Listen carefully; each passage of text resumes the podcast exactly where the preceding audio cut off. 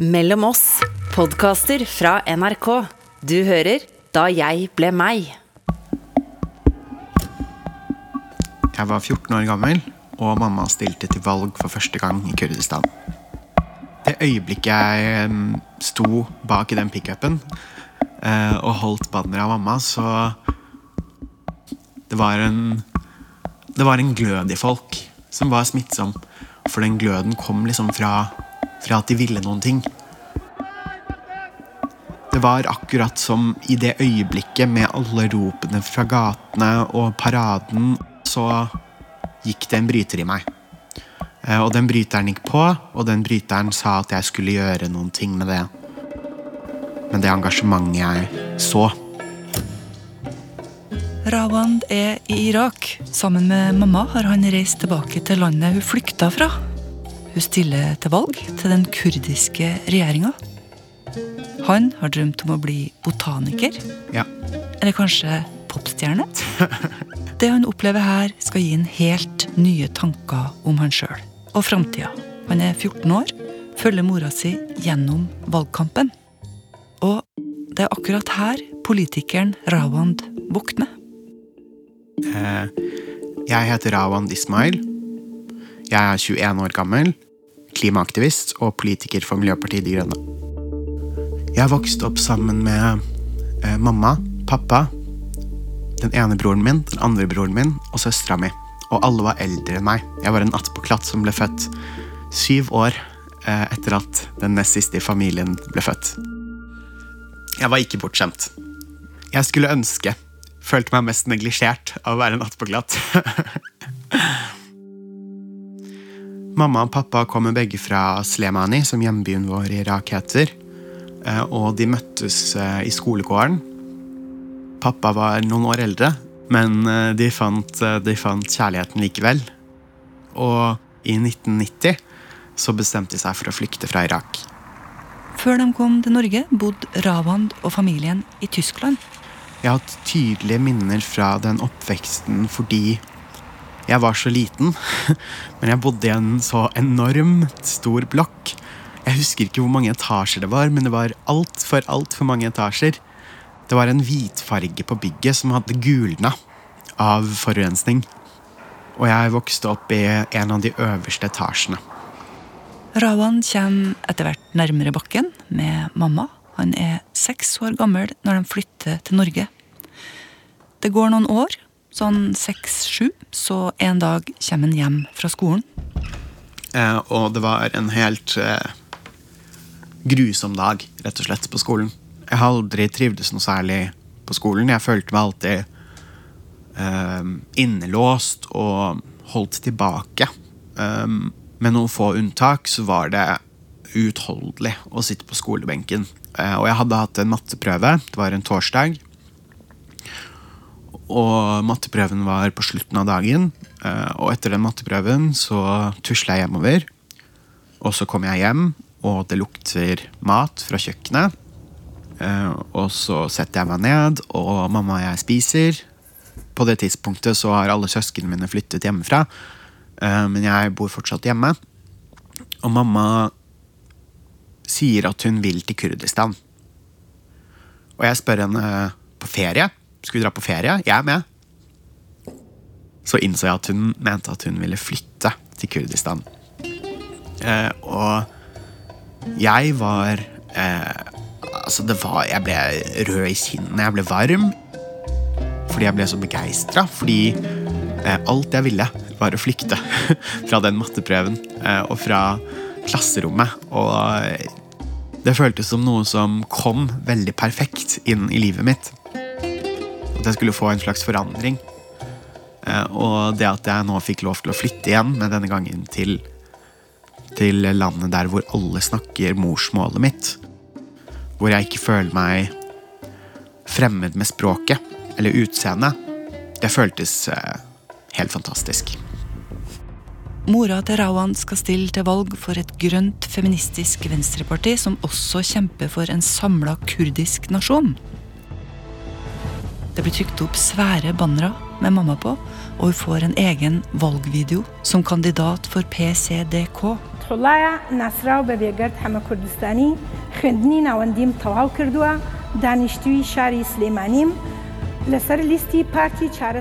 Eh, å høre mamma snakke om hva vi skal gjøre, å høre mamma snakke om strategi, å høre mamma uh, calle bullshit det ble, Hun ble et forbilde for meg.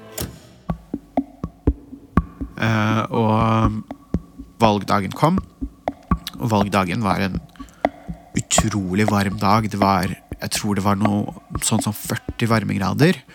eh, og ekstra tørt i lufta. Og det var en sånn varme som da du gikk ut av døra, så Det var som å åpne en ovn. Eh, og da skulle vi stå bak i bilen og holde bannere som alle som gikk rundt i gatene, skulle se i den bilparaden. Det banneret var eh, Det var et stort, stort bilde av mamma. Og hun hadde på seg kurdisk folkedrakt på bildet. Som eh, jeg syns det var veldig sterkt. Det var liksom en stolthet i den kurdiske tilhørigheten i de bildene. Og så var bakgrunnen en sånn eh, vår, knæsj vårgul som minnet om sommeren og det kurdiske flagget. Og mamma hadde på seg en lilla kurdisk kjole. Det var et enormt, enormt engasjement jeg kjente på. Store folkemengder. Og så var det bare å vente og vente og vente på det som føltes som en evighet. Utenriksmedarbeider Øystein Heggen, hvorfor vil kurderne i Irak løsrive seg? Kurderne har jo aldri hatt en selvstendig stat, og de utgjør mellom 25 og 30 millioner mennesker. Og nå når de har deltatt med suksess i kampen mot eh, IS, så mener da ledelsen og folket at nå er muligheten Men noen dager etterpå så kom valgresultatet inn, og mamma sitt parti eh, hadde akkurat ikke noen sperregrense. Men Rawand har våkna, og allerede her begynner det å bli tydelig for han hva som skal bli hans kampsak. Vi kjørte gjennom en oljeby eh, som het Kirkuk, forbi en eh, oljerigg til land. Det var liksom en øde Det som så ut som en øde ørken. Og det stakk en metallpipe opp fra et industribygg, og den metallpipa var det eh, ild fra. De faklet med ild for å skape energi på det industriverket. For meg ble det et bilde på alt som var feil. Det var den faklinga og den pipa som det kom ild fra, som eh, skapte et enormt problem. Eh, de bildene jeg så i media av naturkatastrofer, orkaner, flommer, og som satte menneskers liv i fare, det var det lille industriverket. Det var det et eksempel på. Eh, Og jeg fortalte meg selv at den eneste måten jeg får gjort noe med det problemet her, er ved å prøve å gjøre noe selv også. Og én person kan jo ikke gjøre alt.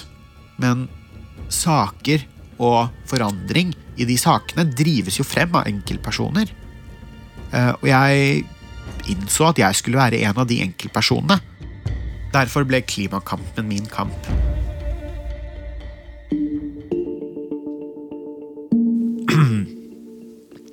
Jeg er veldig pollenallergisk, så nå kjenner jeg at det blir tett i nesa.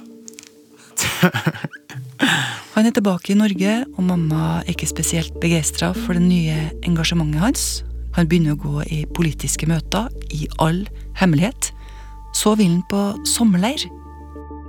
Han blir nødt til å fortelle til mamma. Vi hadde en ganske vanskelig samtale om deltakelse på sommerleiren, fordi mamma husket 22. juli veldig godt. Da hun tenkte på sommerleir, så tenkte hun på terror. Hun var rett og slett redd. Og jeg prøvde å forklare henne at jeg forstår hvor det kommer fra, eh, men at jeg ville på den sommerleiren likevel. Men hun, eh, hun insisterte på at det var farlig, helt til dagen det var frist for å melde seg på sommerleir. Eh, Og da gikk jeg til henne en siste gang, og så sa jeg ganske strengt at dette var noe jeg ville. Og det var ikke noe vei utenom for meg. Og til slutt ga hun seg. Og på den sommerleiren så fikk jeg eh, venner for livet. Det var eh, det fineste jeg hadde gjort så langt i livet. Det var så mye engasjement i de veggene på den folkehøyskolen og rundt omkring på den øya.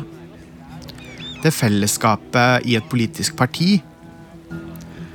At man for første gang møter noen som ser de tingene du ser, som er opptatt av de tingene du er, og som kjemper en felles kamp for noen ting. Det er, eh, det er veldig sterkt å oppdage hvis du er politisk engasjert. Det å innse at, er, at du ikke er alene om de tingene du kjemper for, og at du er en del av et større fellesskap som eh, alle i mitt tilfelle kjempet for forandring i norsk klimapolitikk. Jeg tror jeg aldri kunne funnet et, et sånn type fellesskap noe annet sted enn i Grønn Ungdom. Jeg hadde kommet til et helt riktig sted på den sommerleiren.